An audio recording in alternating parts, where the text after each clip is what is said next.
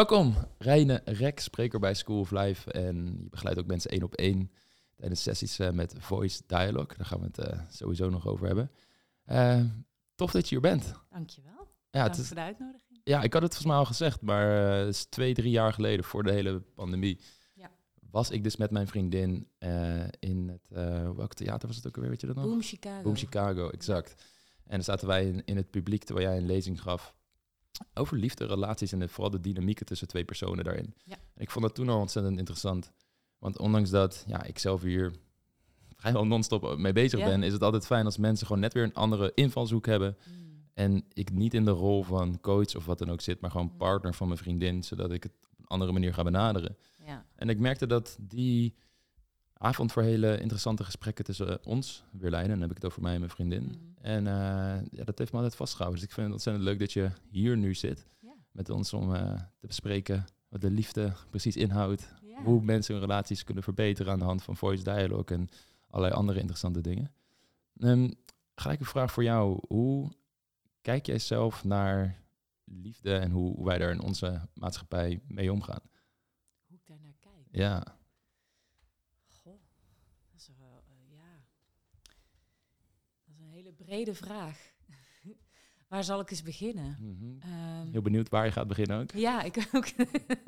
Ehm, nou, misschien is het het beste om te beginnen waar ik zelf ben. Want dat Mm. is natuurlijk altijd de lens waardoor, je, waardoor ik in ieder geval kijk. Ja. En, eh, en mijn ervaring is ook dat dat meestal het best resoneert, zou ik maar zeggen, eh, ja, met mensen als je gewoon vanuit jezelf spreekt. Ehm, voor mij is eh, eh, liefde op dit moment een eh, iets waar, waar ik heel erg mee bezig ben, is met polariteit. En dan met name mannelijkheid en vrouwelijkheid als polariteit. Mm. Daar werk je in voice dialogue met überhaupt met polariteit. Ehm, en dat fascineert me heel erg, omdat mijn ervaring is dat eh, wanneer je daarmee gaat werken, een soort alchem al- alchemisch proces gaat plaatsvinden.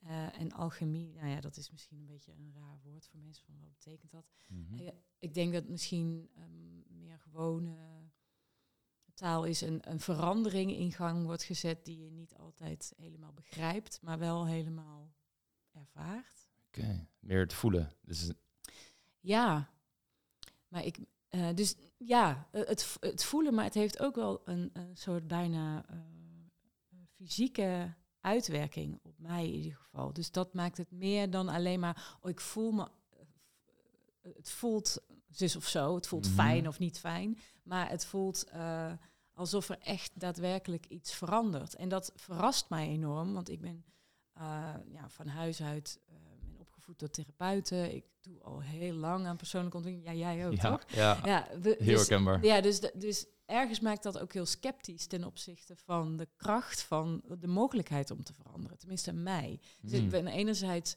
heel gefascineerd door, maar tegelijkertijd heb ik altijd iets van ja. eh, ik ben ook, neem het ook maar met een korreltje zout, want je zit maar te graven in jezelf. En dat betekent echt niet altijd dat er ook iets verandert of zo. Mm. Ehm, maar jij vroeg aan mij, hoe kijk je naar liefde? Ehm, dus werken met die tegenstellingen in mijzelf. En dan gaat het eigenlijk over eh, in eerste instantie dus zelfliefde. Wat ik echt een super Ja. stom woord vind. Ja, Ik word er altijd een beetje allergisch van. Ik kan sowieso wel heftig allergische reacties hebben op woorden. Ik ben wat dat betreft niet, helemaal niet eh, per se eh, geschikt voor het Mm. werk dat ik doe, omdat het ook altijd heel erg aan me ziet. Dus, zelf, maar, en, dus voor mij is dat wel waar ik nu heel erg mee bezig ben. Ja. Ehm, terwijl ik heel erg eh, oneens ben met het idee dat je eerst van jezelf moet houden om een, eh, daarna een relatie te kunnen hebben. Ik denk Mhm. dat dat bullshit is. Ja. Want dat zou betekenen dat iedereen die niet van zichzelf houdt, alsof dat ook een aan-uit-knop is. Van, oh, Ja. nou hou ik van mezelf en nou niet en eh, zoiets. Dat is altijd iets fluctuerends, lijkt mij zo. Ja. Maar goed, Ehm, alle mensen die niet van zichzelf houden, crap relaties hebben of zo. En dat denk ik helemaal niet. Ehm, maar op, dat allemaal gezegd hebben, en daar kunnen we misschien nog verder over hebben. Zeker, ben ik wel ja. benieuwd hoe jij daarnaar kijkt. Mhm. Uh, maar in ieder geval, dat, dat is wel waar ik nu mee bezig ben. Met uh, wat het betekent om uh, met tegenstelling, met polariteit. Nou, tegenstelling is eigenlijk niet de beste vertaling daarvan, maar met polariteit te werken in jezelf en, uh, en ook in een relatie. Mm. Um, en dat interesseert mij, omdat ik denk, liefde is in ieder geval een relateren, is iets, is een verhouding tussen minimaal twee elementen. Mm. Ik denk, denk dat, dat, uh, dat dat altijd uh, de basis is. Dus dualiteit of tweedeling, Mm. zal ik zeggen, de basiselementen van een liefdeservaring is dat er uh, twee dingen zijn die tijdelijk samenkomen of die zich tot elkaar verhouden. Ja. Dus dat interesseert mij op dit moment heel erg. Zeer boeiend, ja. Dus er twee elementen die je er altijd in noemt. Ik terwijl je ook je antwoord aan, aan het geven was, ehm, zelf aan het nagaan van hoe zie ik dat? Omdat voor mij liefde vooral een, in een soort ideale vorm, als, los van of je dat altijd in de praktijk ervaart, een soort contentheid is, een soort rust en een kalmte. Met af en, dat is een soort van het fundament wat je gewoon in jezelf voelt, maar ook in de dynamiek tussen jou en die andere persoon. Je weet dat het goed zit, je bent het beste met elkaar voor en je hoopt dat het floreert. Met af en toe een soort pieken. En ik denk dat dat meer de verliefdheid is. De, de opwinding, het enthousiasme, de vlaag van eh, stofjes door je lichaam. En van, oh wauw, eh, ik voel nu een soort tinteling door me heen gaan. Maar dat waar het echt om gaat, volgens mij, of tenminste waar ik van merk dat houdt langdurige relaties het meest liefdevol, is die soort contentheid ermee van oké, het is zoals het is, ik hoef me niet beter voor te doen. Mm. Eh, kan de andere persoon zien voor wie hij of zij is. En natuurlijk, er zitten ook mindere kanten aan, maar dat kunnen we allebei een soort benaderen van Mhm. eh, vanuit laten we dit gaan onderzoeken, een soort nieuwsgierigheid. En want Mm. we vertrouwen elkaar zo diep dat we dit kunnen onderzoeken. Ja. En dan beschrijf ik nu een situatie tussen twee personen, maar het is ook inderdaad wat je zelf zegt. Dan ga ik toch dat uh, uitkotsende woord zelfliefde gebruiken. Richting jezelf, de, de delen binnen in jezelf ja. Die je moeilijk vindt om te accepteren, voor whatever the reason daar ook voor is. En dat daar ook een soort rust in komt, en een soort contentheid. En ook ten opzichte van jezelf nieuwsgierigheid van, Ja. oh, waar zit dit dan? En, ja. Ik, ik denk dat, eh, dat liefde zich eh, in veel verschillende eh, vormen kan tonen. Wat, wat jij omschrijft, die soort van kalme liefde, Mhm. die, die commitment aangaan en vanuit die acceptatie en dat commitment relateren is een super belangrijke vorm van liefde, lijkt mij. Mhm. Maar ik denk niet dat het eh, de, de enige vorm is. Zeker niet, nee. Nee. Nee. Dus en ehm,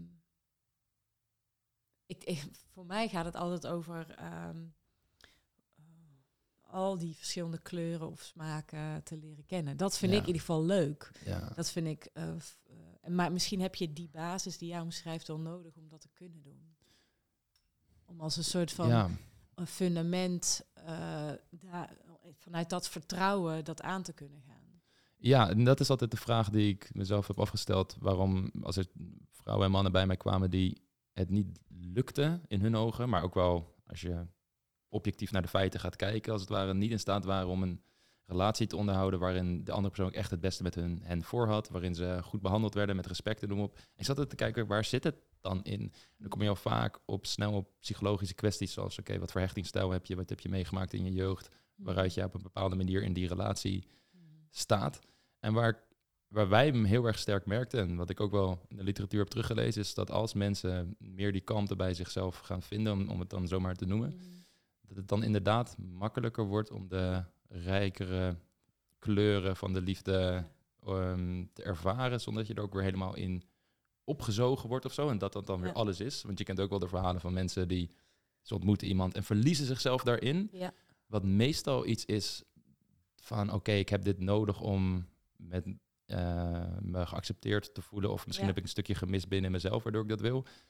En ik denk dat het dat weer een soort ander uiterste is. Maar als je een soort van kalmte kan vinden erin, dat je dan uitstapjes kan maken naar dat verlies, maar dan Ja. dat het minder heftig is of zo. ja, ik merk ook van, ik, terwijl ik naar jou luister, dat ik een beetje heen en weer in mijn hoofd ga van welke kant kan dit gesprek zelfs opgaan? Want je kan denk ik, ehm, je kan heel goed eh, hier het hebben over hoe kom je tot de eh, de kalme, eh, gezonde relatie die ik zelf ook heb. Dus hey, dat is ook heel erg fijn. En daar, zocht, daar, zoek ik, daar zoekt denk ik iedereen naar. Je hebt dat nodig. Maar naar die, naar die veiligheid, Mhm. ehm, eh, die, die, die daar dan ontstaat, die wij als mens, als dier zo hard nodig hebben. En tegelijkertijd, hoe, eh, hoe incorporeer je in je leven ook de liefde die brandend is en die uit vrijheid, die in vrijheid bestaat, die, die uit vrijheid bestaat, die onbaatzuchtig is, die, ehm, die, die, die, die, die hard de waarheid laat zien aan jou en je partner. En Mhm. al die, die, die brand, meer vurige, brandige, brandende aspecten, die, die dus ook het gevoel van je, wie jij bent weg kan branden. Mhm. En ehm, zo'n ervaring van jezelf verliezen en ver- eh, verliefd worden op een ander, die heb ik zelf ook gehad bij mijn. e- mijn- ik, ik ben nu acht jaar met mijn, met mijn man. Eh, maar mijn eerste, mijn eerste liefde, ja. Ja. dat was echt zo'n zo'n verhaal van... Ik was 18, ik werd verliefd op een veel oudere man. En ehm, ik ben mezelf absoluut in hem verloren. En ook niet. Ik heb ook mezelf gevonden. Mhm. Doordat die relatie hij- in veel opzichten misschien heel ongezond was. Maar Mhm. ik, ik, ik vind het te simpel om dat weg te zetten. Oh, je hebt jezelf verloren. Nou, dat Mm. is dan, eh, dat is dan eh, zo moet het niet Mhm. kruis je erdoor. En zo, nou heb ik een rustige relatie. eh, en zo moet het wel. Of zo. Ja. Ja, ja, ik weet niet. Het goed Ik merk- fout aspect ervan. Daar. Nou, ik, in ieder geval het idee dat op voorhand kan zeggen van jezelf verliezen, dat is een slecht idee. Dan denk ik, nou, het gebeurt wel bijna iedereen. Mhm. Eh, en ik heb ook het idee dat iedereen als het ware daardoor heen moet. En soms, eh, en ja, net voor we op gingen nemen, vertelde jij, je hebt ook mensen die dan 25 jaar getrouwd zijn en dan opnieuw moeten leren daten. Ja. Misschien gebeurt het ze nu pas, als ze een stuk ouder zijn, dat ze Ja. voor het eerst die, die van, wie ben ik? Ik, ik wil mezelf gewoon heer helemaal verliezen en dat wil ik ook. ja. Ik weet niet. Ik, eh, ik er, zit ben- ook, er, zit ook, een- er zit ook iets goeds in. En ik snap Absoluut. ik- er- ergens. ehm, ik snap een soort van het idee van, oeh, dat is geen goed idee. En tegelijk denk ik, hoezo? Misschien is het wel een heel goed idee. Moet dat stuk van jou ook wegbranden? Weet ik veel. Helemaal met je eens. Ja, het interessante is, is, ik denk dat het een onmisbare stap is. Het is een beetje dat gezegde Ja. van, eh you have to be willing to be a fool to become a master, als het ware. Ja, van je, ja. moet, je moet bepaalde dingen nou eenmaal meemaken, anders dan kun je niet doorgroeien. Ja.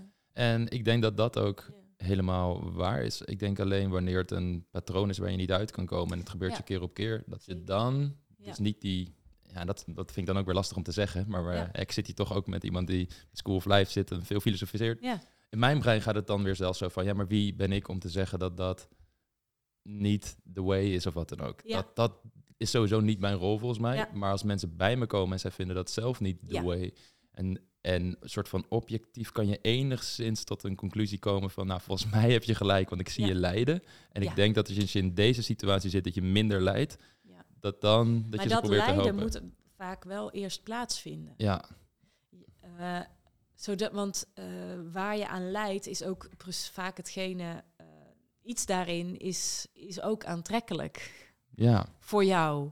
Eh, om het Ja. even concreet te maken, jezelf eh, verliezen in een ander is ook aantrekkelijk om een of andere reden.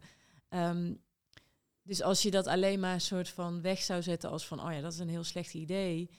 ehm, dan denk ik dat je sowieso eh, nooit de angel eruit krijgt. Omdat je als het ware, dat is een beetje zo van waarschuwen voor, eh, voor drugs. Zo, Ja. Drugs are bad.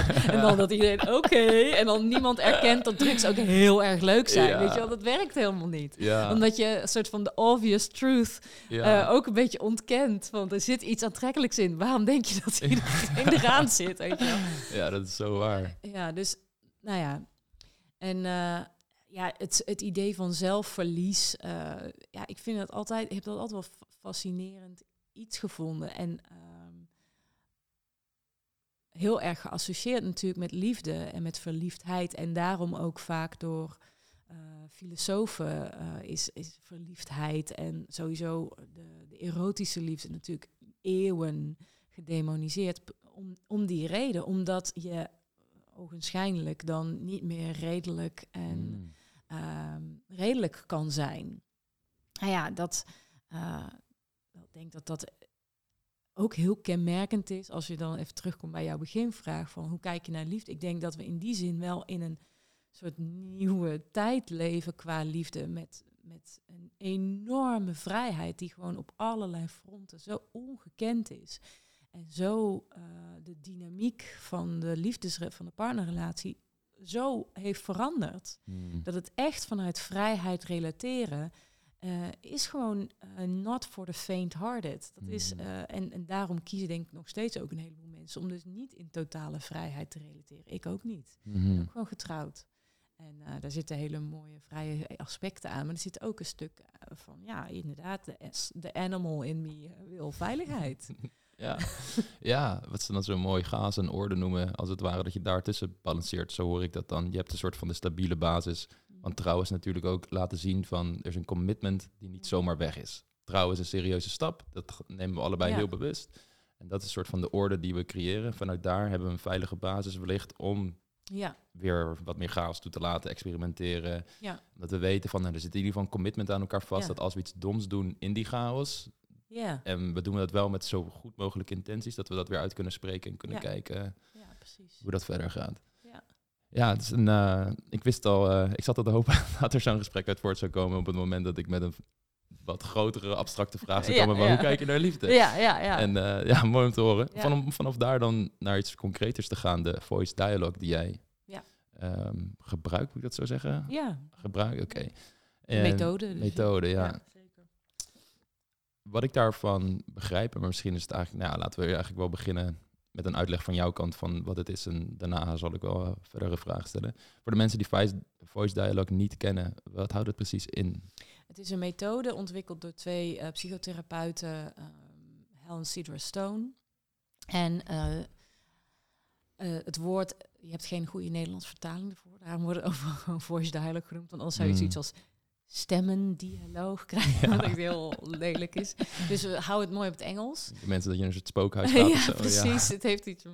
Ehm, maar voice dialogue, het refereert naar de innerlijke dialoog, die denk ik, ik heb nog nooit meegemaakt dat iemand niet snapt wat dat is. Ja. Hè, ja. Binnen jouw, jouw bewustzijn eh, zijn er allerlei kanten, stemmen die met elkaar en of naast elkaar eh, misschien leven.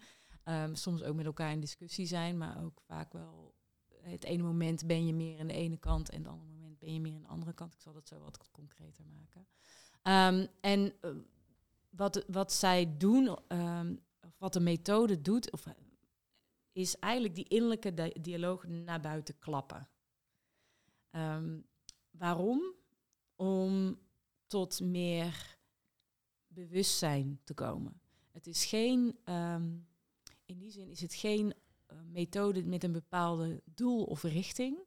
Eh, behalve dan dat je eh, die innerlijke dynamiek eh, eigenlijk buiten, je, eh, buiten jezelf plaatst, waardoor je je beter toe kan relateren. Mhm. En eh, meer, over het algemeen zeggen mensen die ermee hebben gewerkt met mij, eh, ah, ik begrijp niet alleen mezelf beter, maar ik kan ook beter doorvoelen wat al die verschillende kanten van mij ehm, in mij doen en waarom ze er zijn en hoe ze zich verhouden tot de dingen. Mhm. En soms kan er dus ook dat alchemische proces plaatsvinden dat iets alleen al door het echt te horen en te zien er een transformatie mogelijk is. En dat is waar ik eerder naar refereerde. Dat verbaasde mij enorm. Van, oh, dus alleen al door iets letterlijk buiten me te brengen en het helemaal te zijn in mijn lijf en in, in mijn hele energie te zijn, verandert iets. Mhm. En dat, eh, had ik, dat, dat vind ik echt magisch. Dat vind ik echt heel vet eraan. Nou, hoe werkt dat? Heel praktisch. Ehm, er zijn een aantal stemmen die eigenlijk cultureel zijn. Die, zijn zo, die, die heeft bijna iedereen. Het heeft te maken met hoe we gewoon opgroeien en ons, gewoon de, onze biologie. En dat is bijvoorbeeld een van de stemmen die bijna iedereen heeft, is de pleaser bijvoorbeeld. Ja. En dat is ook heel logisch als je naar onze evolutie kijkt. Ja. We moeten in staat zijn, af te, eh, ik zeg het heel vaak in lessen die ik geef, we zijn niet eerst zelfbewust, we zijn eerst anderbewust. Mhm. We zijn eerst bewust van onze moeder of de primaire verzorger die we hebben. Ja. Dus we zijn eerst bewust van wat voel jij. En dan eerst is er nog heel veel verwarring over wat het onderscheid überhaupt is tussen jou en mij, of tussen je moeder en jou. En dan pas komt er een gevoel van, oh, ik, ben, ik, heb mijn eigen gevoel. Ik heb niet alleen het gevoel, ik ben niet alleen jou, ja, ik ben ook mij. Nou, dat, dat Hmm. onderscheid komt pas later. Om te overleven moeten wij af kunnen stemmen op de ander. Ja. En die ook tevreden kunnen houden. Oftewel pleasen. Ehm, nou, dus die stem die is bij sommige mensen er geweest en nog steeds wel een onderdeel van hun psychologie. En die is er gewoon, we zijn daartoe in staat. Eh, bij sommige mensen is die heel dominant.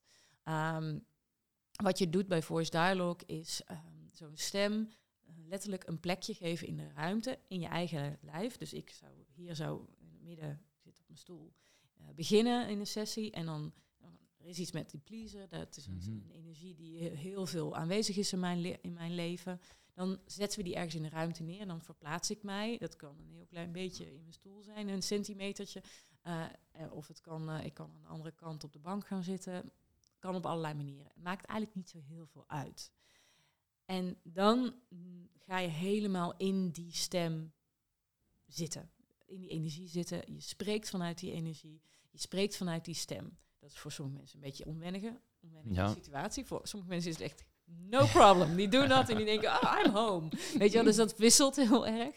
Ehm, en je spreekt dan ook echt vanuit de derde persoon. Dus ik ga ook in de derde persoon van, nou, eh, Ah. oh, vertel eens, jij je bent dus de pleaser. Matthijs. ja, ja, ja. Oké. Nou, dit dus, jij bent de pleaser in Matthijs. Ah, Soms, eh, meestal is die titel er niet meteen, die naam. Maar van, goh, jij bent dus de kant in Matthijs waar we het net over hadden. Ja, ja. En, en dan ja. geef je hem eigenlijk steeds meer vlees op de botten. Hmm. Dus je zakt er steeds meer in en je gaat steeds meer afstemmen op hoe die stem klinkt. Sommige stemmen zijn heel emotioneel. Vaak is pleaser wat emotioneler. en sommige stemmen die zijn eh, heel cerebraal. Eh, sommige stemmen zeggen helemaal niks. Die zijn alleen maar een gevoel. De zwijger. Eh, een zwijger of... nou eigenlijk kan ik kan Hmm.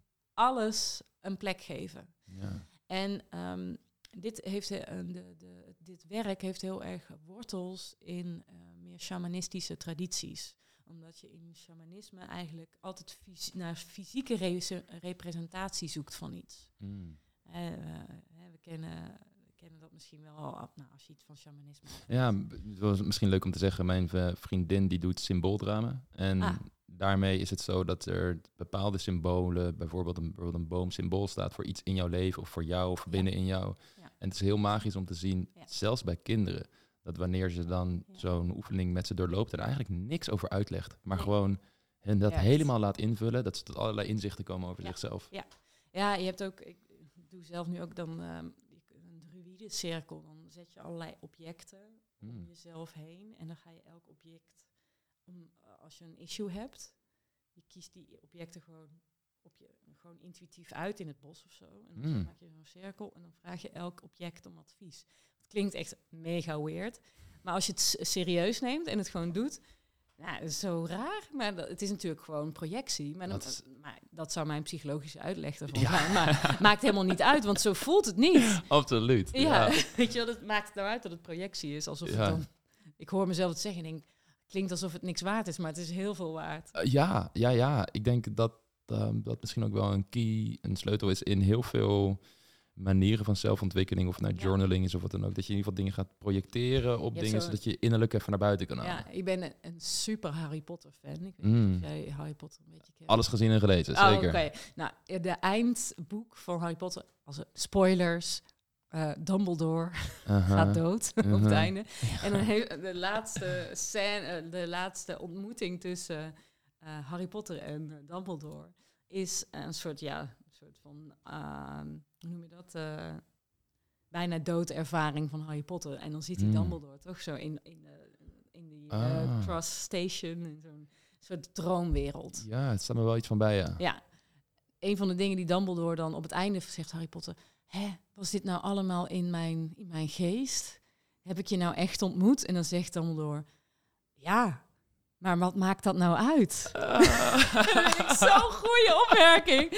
Zo, ja natuurlijk, maar maakt het het minder echt? Oh, Ik zo, oh fuck, ja, dat maakt natuurlijk helemaal geen fuck uit, want... dat is zo interessant. Het doet, Ja. mij, het doet mij heel erg denken aan mijn ayahuasca-sessie, waarin, Ja, precies. waarin je ook visioenen krijgt die Ja. heel veel vertellen over het leven. Maar ja, lekker boeien wat precies de Ja, or, ja, soort deterministische oorsprong is van waar dat visioen vandaan komt. Dat en hoe- maakt eigenlijk helemaal niks uit. Mhm. Want zelfs als je soort maar zeggen, een heel materialistische visie zou hebben op de wereld. Hè, materialistisch bedoel ik dan in de zin van dat je ervan uitgaat dat alles alleen maar voortkomt uit materie en er nergens iets van eh, spirit of geest of hogere realiteit is.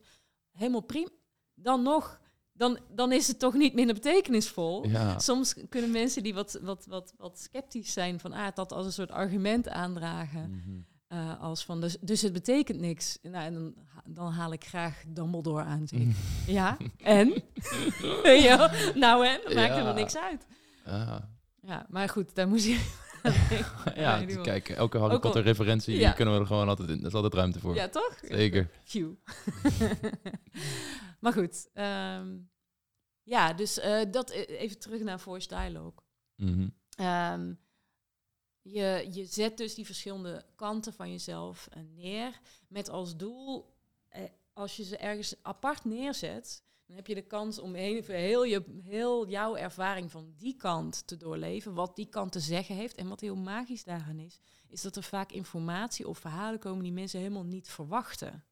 Dus als jij in je pleaser gaat staan en je daar oprecht mee verbindt, dus niet gaat zitten verzinnen wat de Mm. pleaser zou moeten zeggen, welk verhaal je erop he- mee hebt, maar meer vanuit je lichaam echt verbindt met die kant, dan komt er vaak van, oh fuck, ik dacht altijd dat het kwam omdat mijn moeder me zo hard nodig had. Misschien heb je daar een of ander verhaal over. Mhm. Eh, maar eigenlijk gaat het veel meer over hoe ik, weet ik veel, hoe ik me, eh, eh, hoe ik het gevoel dat ik haar kon redden. Dat is maakt dat ik er steeds in terugkom. Helemaal niet dat zij mij erin terugbrengt, maar dat ik zo gehecht ben aan het idee dat ik haar kan redden of zoiets. Mm. Weet ik veel. Mhm. Ik verzin nu even ter plekke wat. Maar in ieder geval vaak komt daar dan net of echt informatie vrij, maar is vaak ook een doorleving en een soort eerbied voor die kant van jezelf.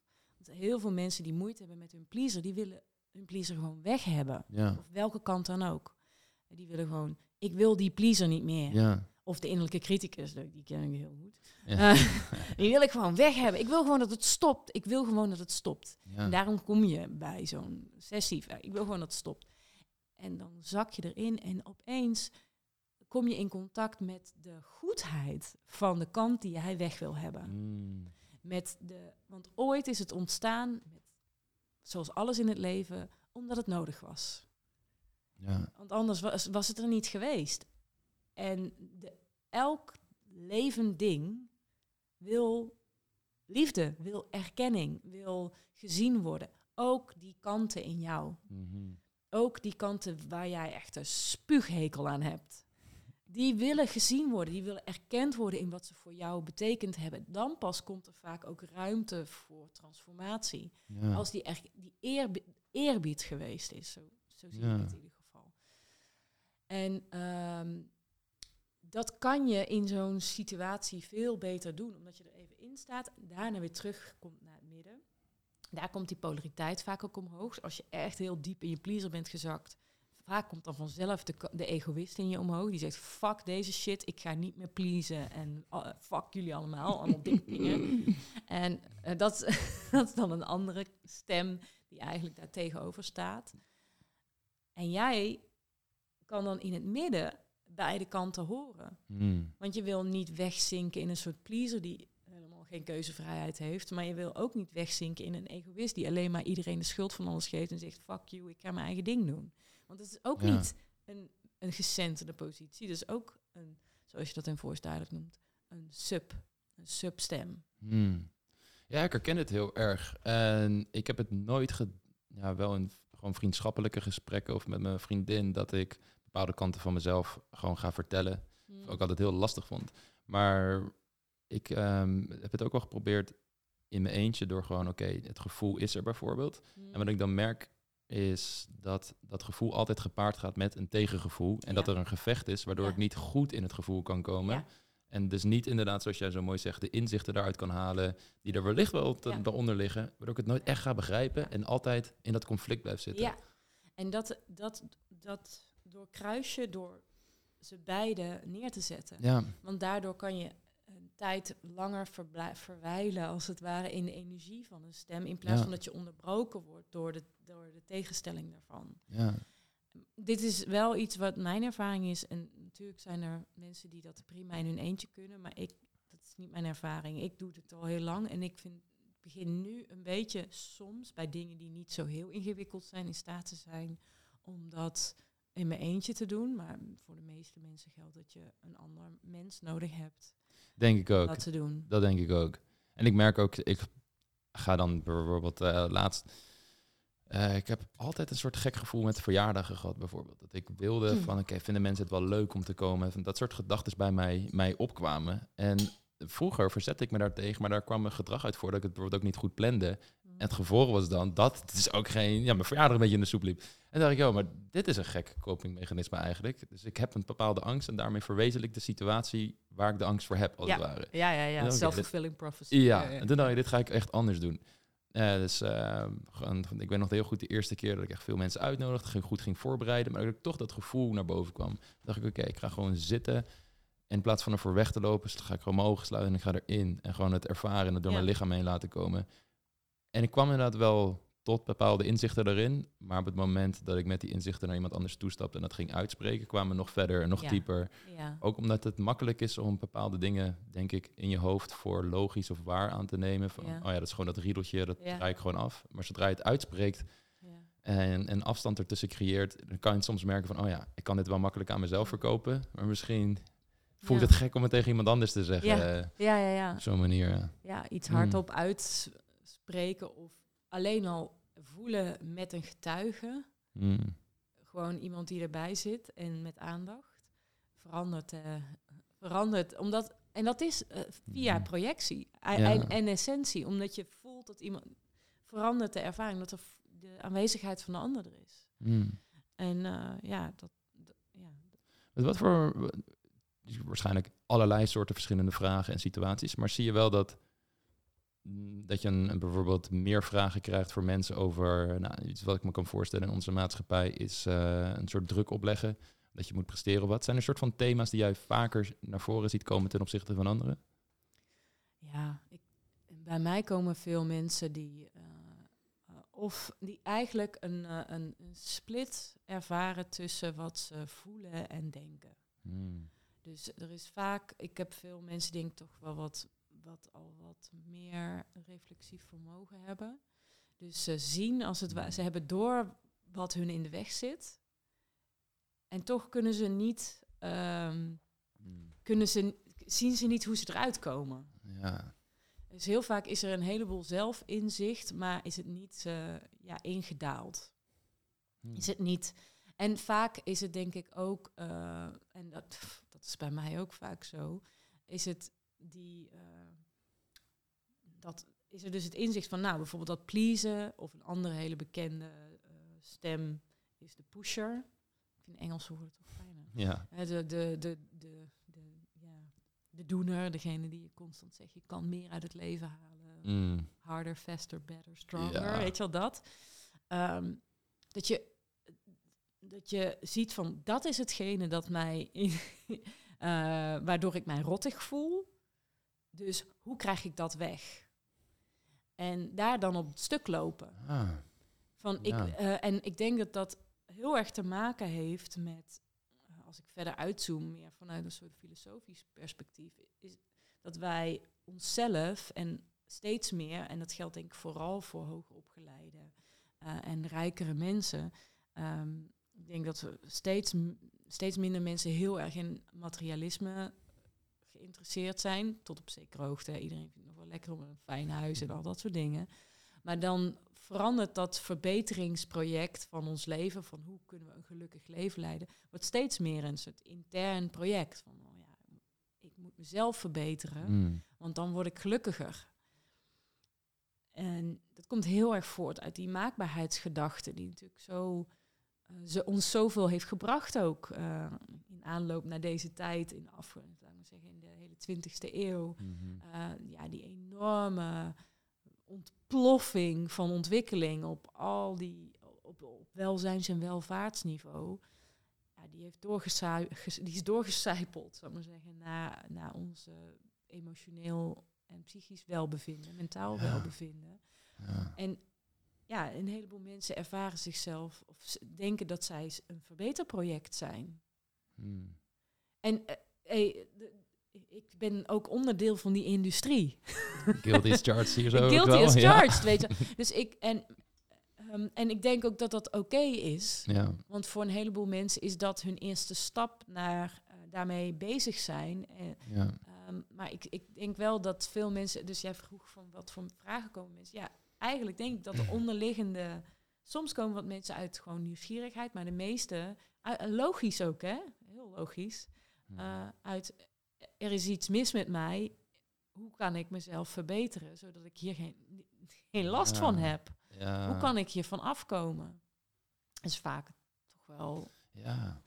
Ja, nee, ik snap het helemaal. Dus dat is, maar, maar dat is niet een specifieke area. Het is meer. eh, ja. Het, het, het uitzicht natuurlijk op verschillende manieren. Ik denk dat dit een soort onderliggende laag is op principe niveau van dit Ja. is wat er speelt. Ja. En hoe dat voor jou zich uit, is natuurlijk weer heel erg afhankelijk van je persoonlijkheid, waar je Ja. op bent gegroeid Ja, en al die, al die zaken. Ja. Dus, en voor mij zijn het dus veel mensen die eigenlijk een, een soort ehm, incarnatie van hun eh, inzicht nodig hebben. Dus ze Hmm. zien van, oh ja, dit, als ik dit nou los kon laten, of dit, dit nou anders ging, als ik nou niet zo ging pushen de hele tijd, of als ik nou niet zo ging pleasen de hele tijd, dan eh, was, had ik dit probleem niet. Maar ik kan het op een of andere manier niet uit. Dus dat is zo'n ja, patroon waar, ze in waar, waar je in vast zit. Maar wel al inzicht. Ja, ja, ja het, is, het doet mij ook denken aan dat mensen misschien zelf niet helemaal doorhebben dat ze in zo'n maakbaarheidsgedachte zitten. En waar mij dat dan doet denken is, waar wij bij Mannenbrein bijvoorbeeld veel van onze marketing mee doen, is krijg die relatie, krijg die man. Maar dat komt ook omdat we weten, we hebben andere soort ads en, en noem maar op geprobeerd, maar dat dat gewoon minder kliks krijgt, omdat Ja. mensen daar nog op gefocust zijn. En ik heb altijd vaak het gevoel dat we een soort Trojaans paard zijn Ja. die binnengehaald wordt met het nummer. Bij man is het veel vrouwen, lekker versieren, ehm, uiteindelijk een leuke vriendin misschien voor, voor veel. Maar en bij vrouwen is het meer, je krijgt die man, rust eh, en noem maar op.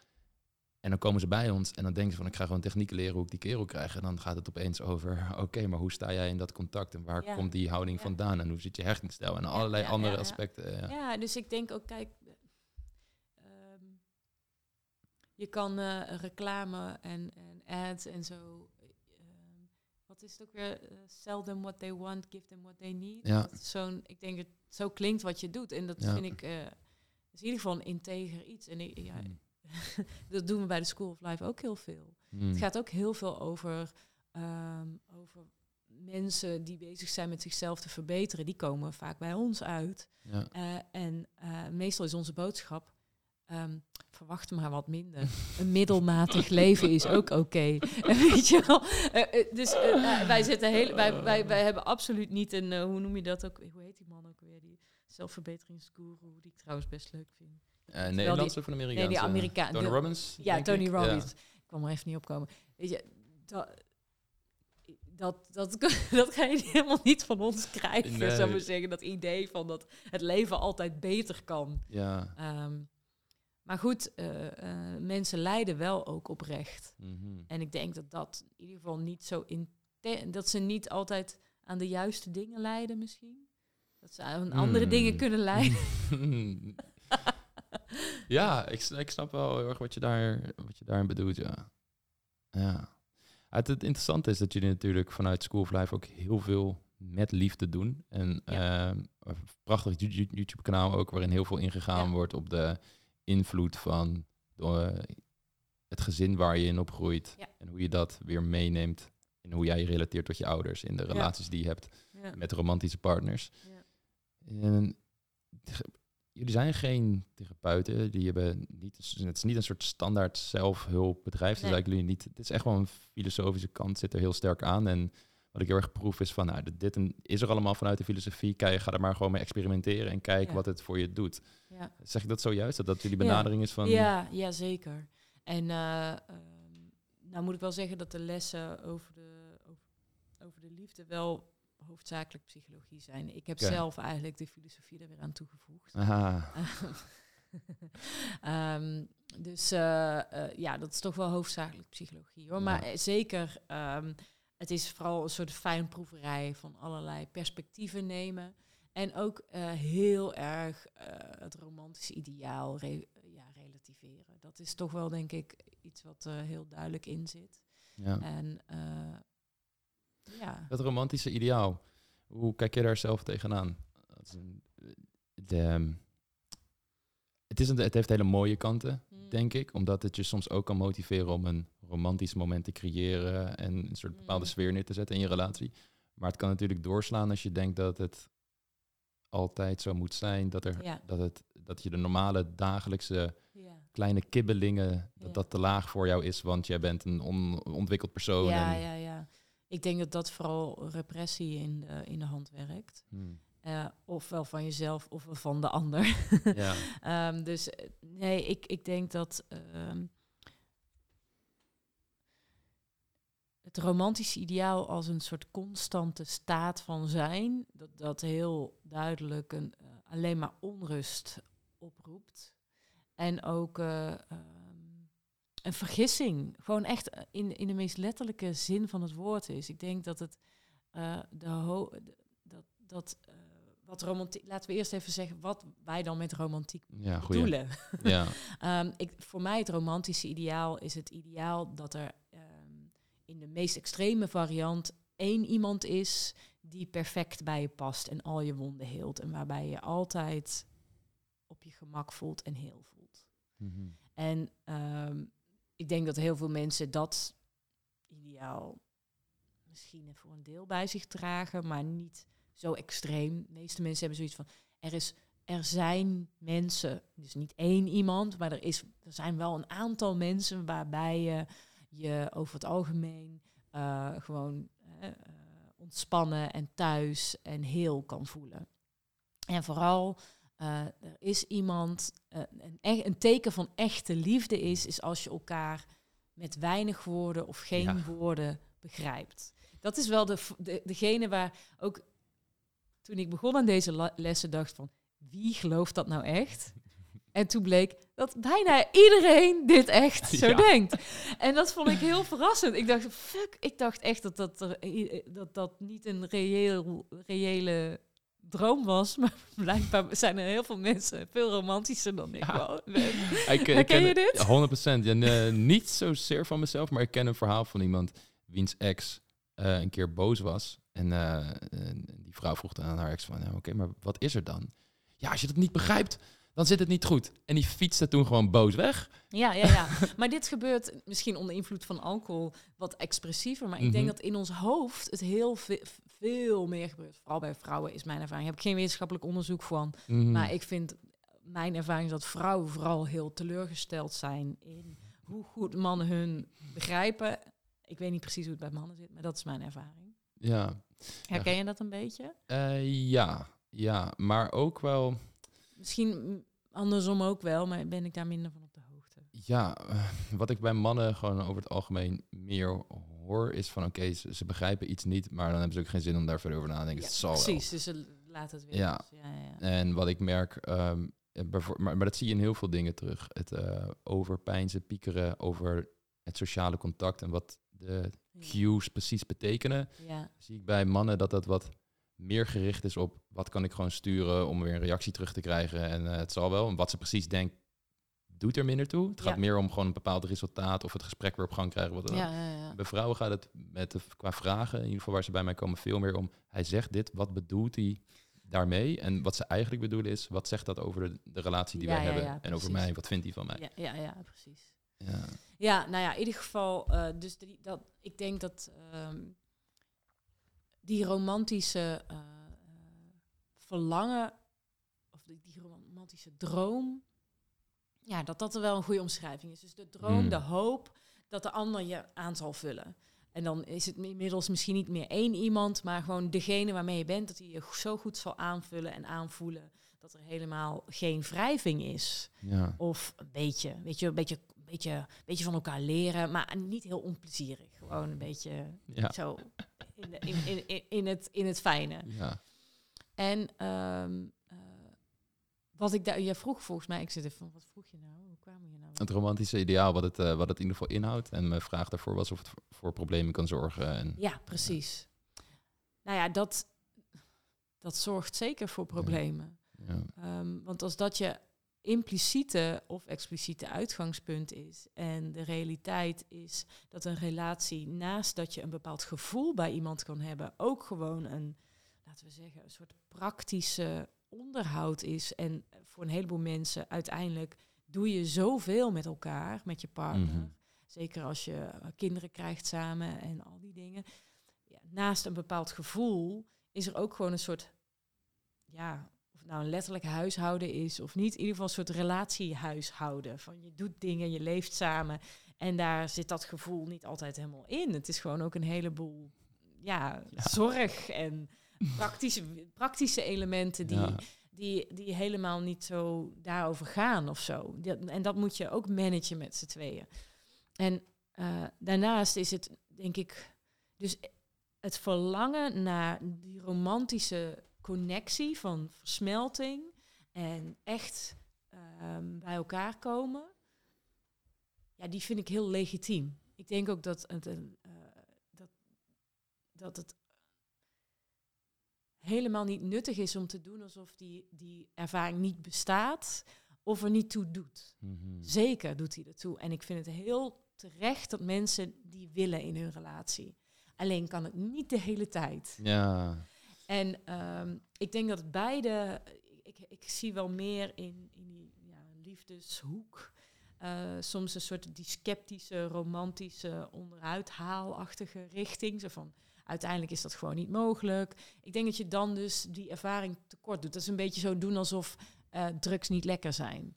Ja. Echt wel momenten eh, waarin je eh, die diepe connectie met iemand voelt. En ehm, echt voor, voor momenten kan hebben van diepe ontmoeting. Mm. En samenkomen. Maar er zijn ook een heleboel mm, soort van...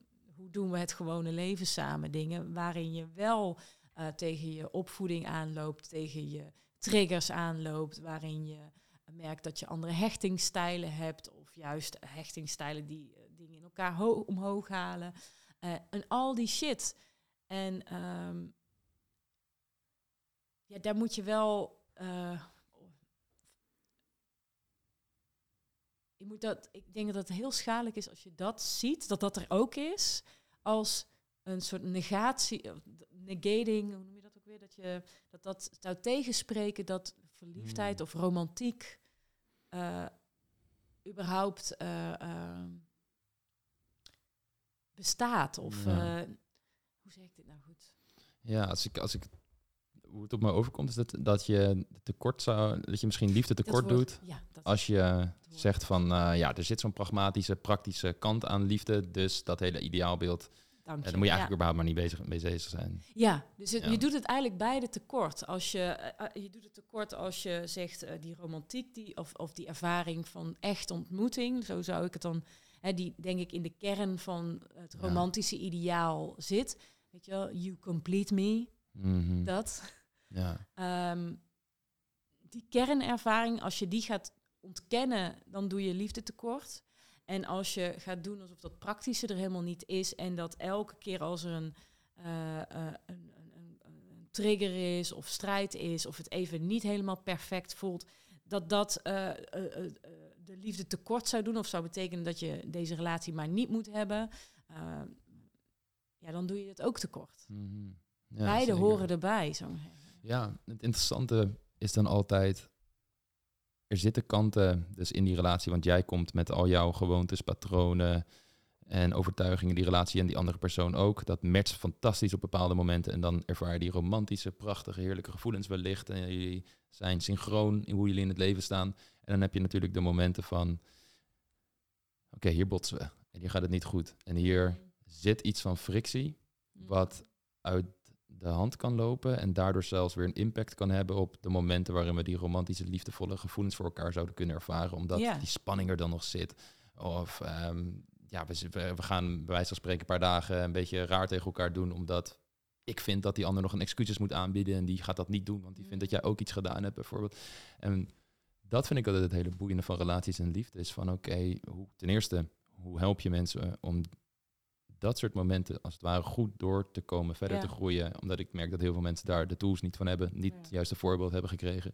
Maar daarnaast ook, er zijn natuurlijk hele duidelijke gedragingen die sowieso nooit acceptabel zijn. Denk aan misbruik, mishandelingen, Ja, noemen. Maar wat is dat grijze gebied? Een soort van geen rode vlag, maar een soort oranje vlag. Een soort van, dit, dit, is, dit voelt hem niet helemaal goed, maar ik heb hier ook wel een beetje aan bijgedragen misschien. Wat natuurlijk vaak het geval is. En, en hoe kom je daar dan, dan uit? Eh, mijn vraag aan jou daarbij is, ehm, hoe, hoe zie jij dat? Wat zou een soort van manier zijn voor mensen om met dat soort situaties om te gaan? Om, om oké, er gebeurt iets, we vinden het allebei niet prettig. En nu, hoe gaan we dat aanpakken? Een soort van Hmm. conflicthandboek. Hmm. Ja, kijk, ik, ik heb geen handboek. Ik heb, ik heb een, wel een manier om naar zo'n situatie te kijken. Mhm. En ehm, misschien waar ik naar zou streven, is om, en dat hoeft echt niet in één keer, om uiteindelijk je ze vooral bezig te houden met jezelf. Want ook al ben je in een relatie, ook al voelt het super intiem, jij gaat niet over de ander. Hmm. Jij kan de ander niets laten doen. En die ander laat jou niets doen. Tuurlijk beïnvloed je. Ik wil niet ontkennen dat je elkaar beïnvloedt. Maar uiteindelijk is dat de meest vruchtbare manier, dat vind ik, om in een relatie te staan. Is dat je eh, absoluut eerlijk bent over wat iets doet. Wat als jij iets doet, wat dat met mij doet. En al die dingen. Ik denk niet dat je dat hoeft te ontkennen. Maar uiteindelijk moet jij je gewoon bezighouden met wat ben ik aan het doen. Hmm. Wat ben ik aan het doen wat bijdraagt aan deze hele situatie? En eh, dat vind ik, vind ik het meest vruchtbaar. Ja. ja, helemaal mee eens. En daarmee geef je niemand een vrijbriefje. ehm, je, maar je helpt de situatie het meest als jij zo goed mogelijk wordt in teruggeven wat iets met jou doet. Dus laten we even eh, een voorbeeld nemen. Ehm, eh, even een, beetje een relatable voorbeeld van zo'n soort situatie. Laten we even zeggen. ehm, ja, laten we zeggen, je bent, eh, je bent met iemand aan het, aan het daten en die reageert een, eh, een, eh, ja, een paar dagen niet of zo. Hè? Het Mhm. duurt te langer dan Heel jij. voorkomend. Ja, Dat, eh, dat herinner ik me ook nog heel goed. Heel vet. Iemand heeft het.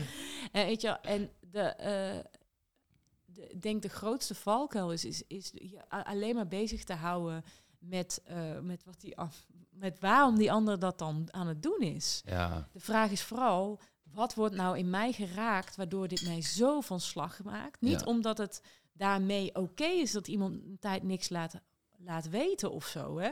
ja. Ehm, zeker als je al wat verder in je relatie bent, denk ik dat, je, dat het echt heel terecht is dat je daar verwachtingen in hebt. Zeker als je die ook hebt uitgesproken. Dat is allemaal prima. Maar uiteindelijk gaat het erover, wat wordt er in mij geraakt? ja. En daar kijk ik dan vanuit Voice Dialogue natuurlijk, dialogue natuurlijk aan.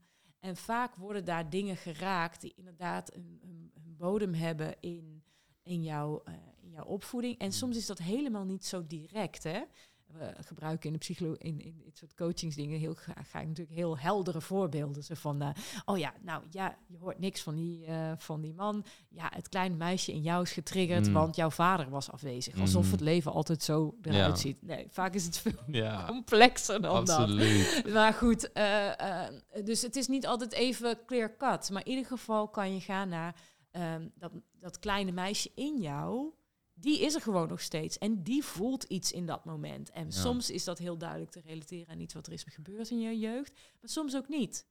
Ehm, soms is het gewoon eh, überhaupt kind zijn. Dat is voor iedereen namelijk nogal kwetsbaar. Ja, Dus eh, iedereen he- herkent die ervaring van, ik weet niet zeker of mijn veilige basis er wel is.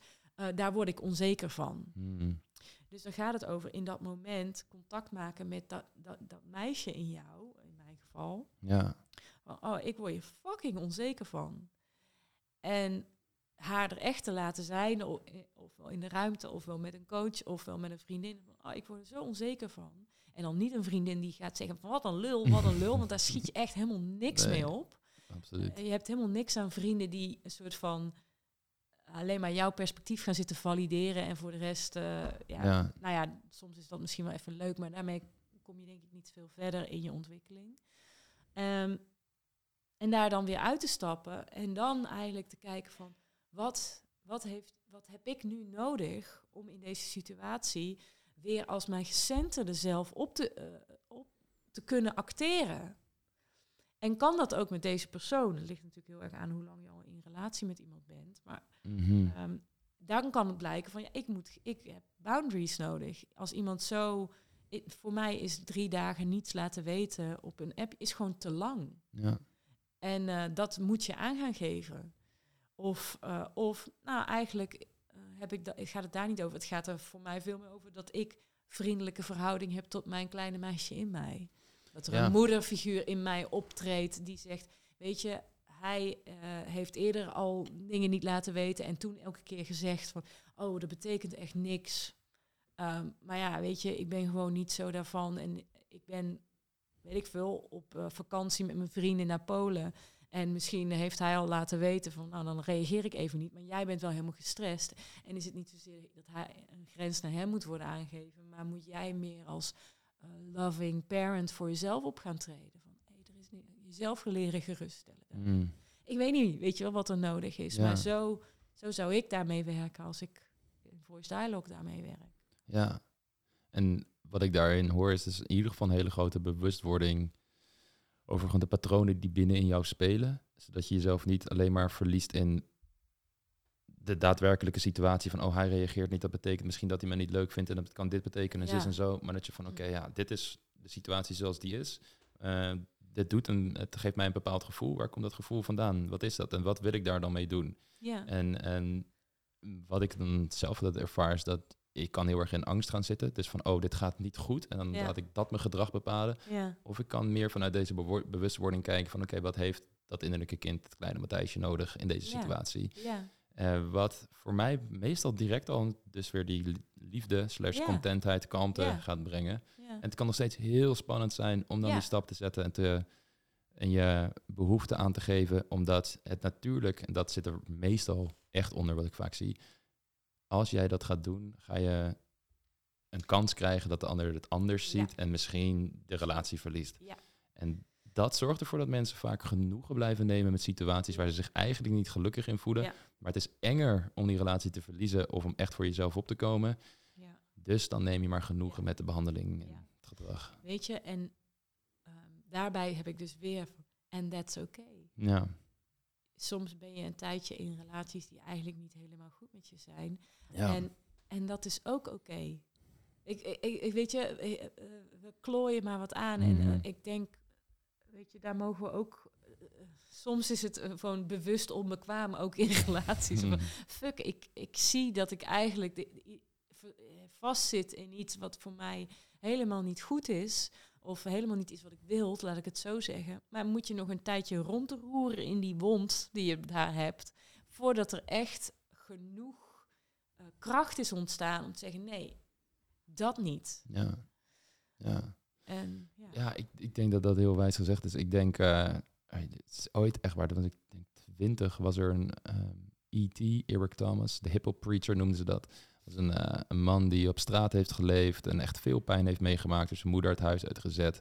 Die staat dan voor een groep kinderen die allemaal op het punt staan drop-outs te worden en een beetje hetzelfde pad te gaan bewandelen als hij. En hij is dan officieel een soort motivational speaker. Maar hij heeft dan zo'n quote waarin hij zegt van ja, pijn is tijdelijk. Het kan een uur duren, een dag duren, een maand duren, een jaar duren of hoe lang het ook gaat duren.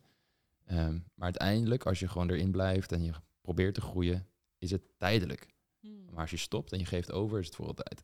En dan kan je daarin blijven hangen en ja, je accepteert maar een beetje die aangeleerde hulpeloosheid van oké, Ja. dit is hoe het is. ja, En wat ik soms eh, interessant vind, is wij krijgen mensen op training waar ik zie dat ze lijden. Dat geven ze zelf ook aan. En ze hebben de stap genomen om naar die training te komen. Dus Hmm. ze erkennen ook van ja, er zijn wel dingen die ik wel echt wil veranderen. En toch kunnen ze die, die kracht niet vinden op ja, dat moment om het te doen. ja. En vaak blijf ik dan met ze in contact om te zien van, nou, misschien was het moment er gewoon nog niet voor ze. Ja. En komt het over een jaar of een. en- Ja. Maar sommige mensen, het lukt gewoon niet om die, die, die stap te zetten, eh, merk ik ook. Dan spreek je ze vijf jaar later en er is eigenlijk weinig veranderd. Ja. Eh, hoe, hoe zie jij dat, dat soort elementen? Ja, ik, ik denk dat eh, als ik naar mezelf kijk. Kijk, hier kom je op het stuk waar ik denk dat ehm, persoonlijke ontwikkeling, waar wij, als wij, dat is onze business, ook zijn limitering heeft. Mhm. Eigenlijk, eh, zoals met zoveel dingen in het Westen. eh, ehm, we hebben natuurlijk. ik denk dat je daar echt op het front komt van spiritualiteit of overgave aan. En als dat er niet is, als het echte diepe, diepe vertrouwen, of nou ja, diep klinkt al heel, als er niet eens een klein beetje vertrouwen langzaam kan ontstaan, dat als je iets aangaat, dat er uiteindelijk daar iets goeds uitkomt. Mhm. Dat is dus toch uiteindelijk basisvertrouwen. Dat, zal zoals een term zijn die jou bekend Ja. is. Dus wat, wat hebben mensen nodig om, eh, om een ontwikkeling aan te gaan? Niet totaal basisvertrouwen, maar een klein beetje vertrouwen dat als ik dit aanga, dat er iets goeds uitkomt. Hm. Ja, en ik denk dat dat, eh, dat dat dan er niet is op dat moment voor die mensen. En ehm, op dat moment. En dat het voor mij als coach ook echt dus, ik, ik heb dus wel dat vertrouwen dat, dat, dat het kan. Maar echt moet loslaten dat het on my terms zal zijn. Ik denk dat zo'n moment eigenlijk meer over jou gaat dan over hun. Absoluut. De tweede tijd dat ik dit denk, het is ook een soort maakbaarheid in mijn eigen gedachten Ja. weer van.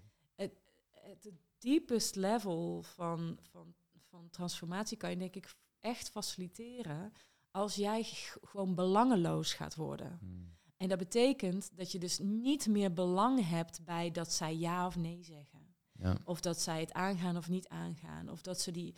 Uiteindelijk zeg je, ik, dit gaat niet over mij. Jij hebt jouw pad te, be- te bewandelen.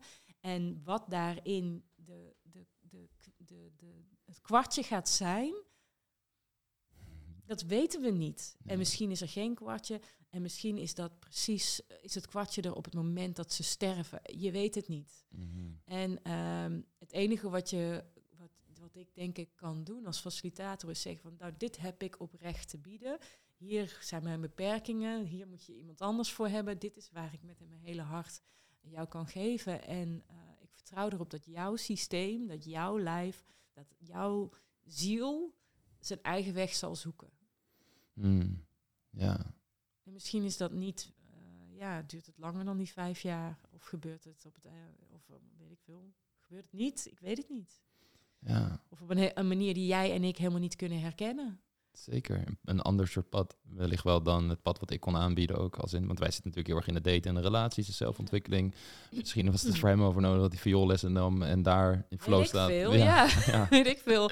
Ik heb dit pad te bieden en er zijn Ja. er een miljoen meer. En, is eh, en ehm, misschien gaat eh, dit leven voor die persoon dan niet over verliefd worden, maar over viool. Weet ik ja, het? Ja, ja. Nee, super mooi gezegd. Eh, ik denk dat dat ook eh, een, een hele mooie afsluiting is voor het gesprek dat we hier in ieder geval gevoerd hebben. Eh, ik heb echt genoten. Ja, ging snel zeg. Ik Het ging heel snel, ja. Het zijn iets geen langer idee dan hoe een, lang, hoe lang we hebben zitten praten. Iets langer dan een uurtje op dit moment. Ja, dat zou, zou nog makkelijk nog veel langer door kunnen lopen. Maar ik wil je voor nu in ieder geval bedanken voor Ja. dit gesprek. Ik heb er zelf ook weer veel van opgestoken en geleerd. Dus Ja, ja, ik ook. mooi. Super. Dankjewel.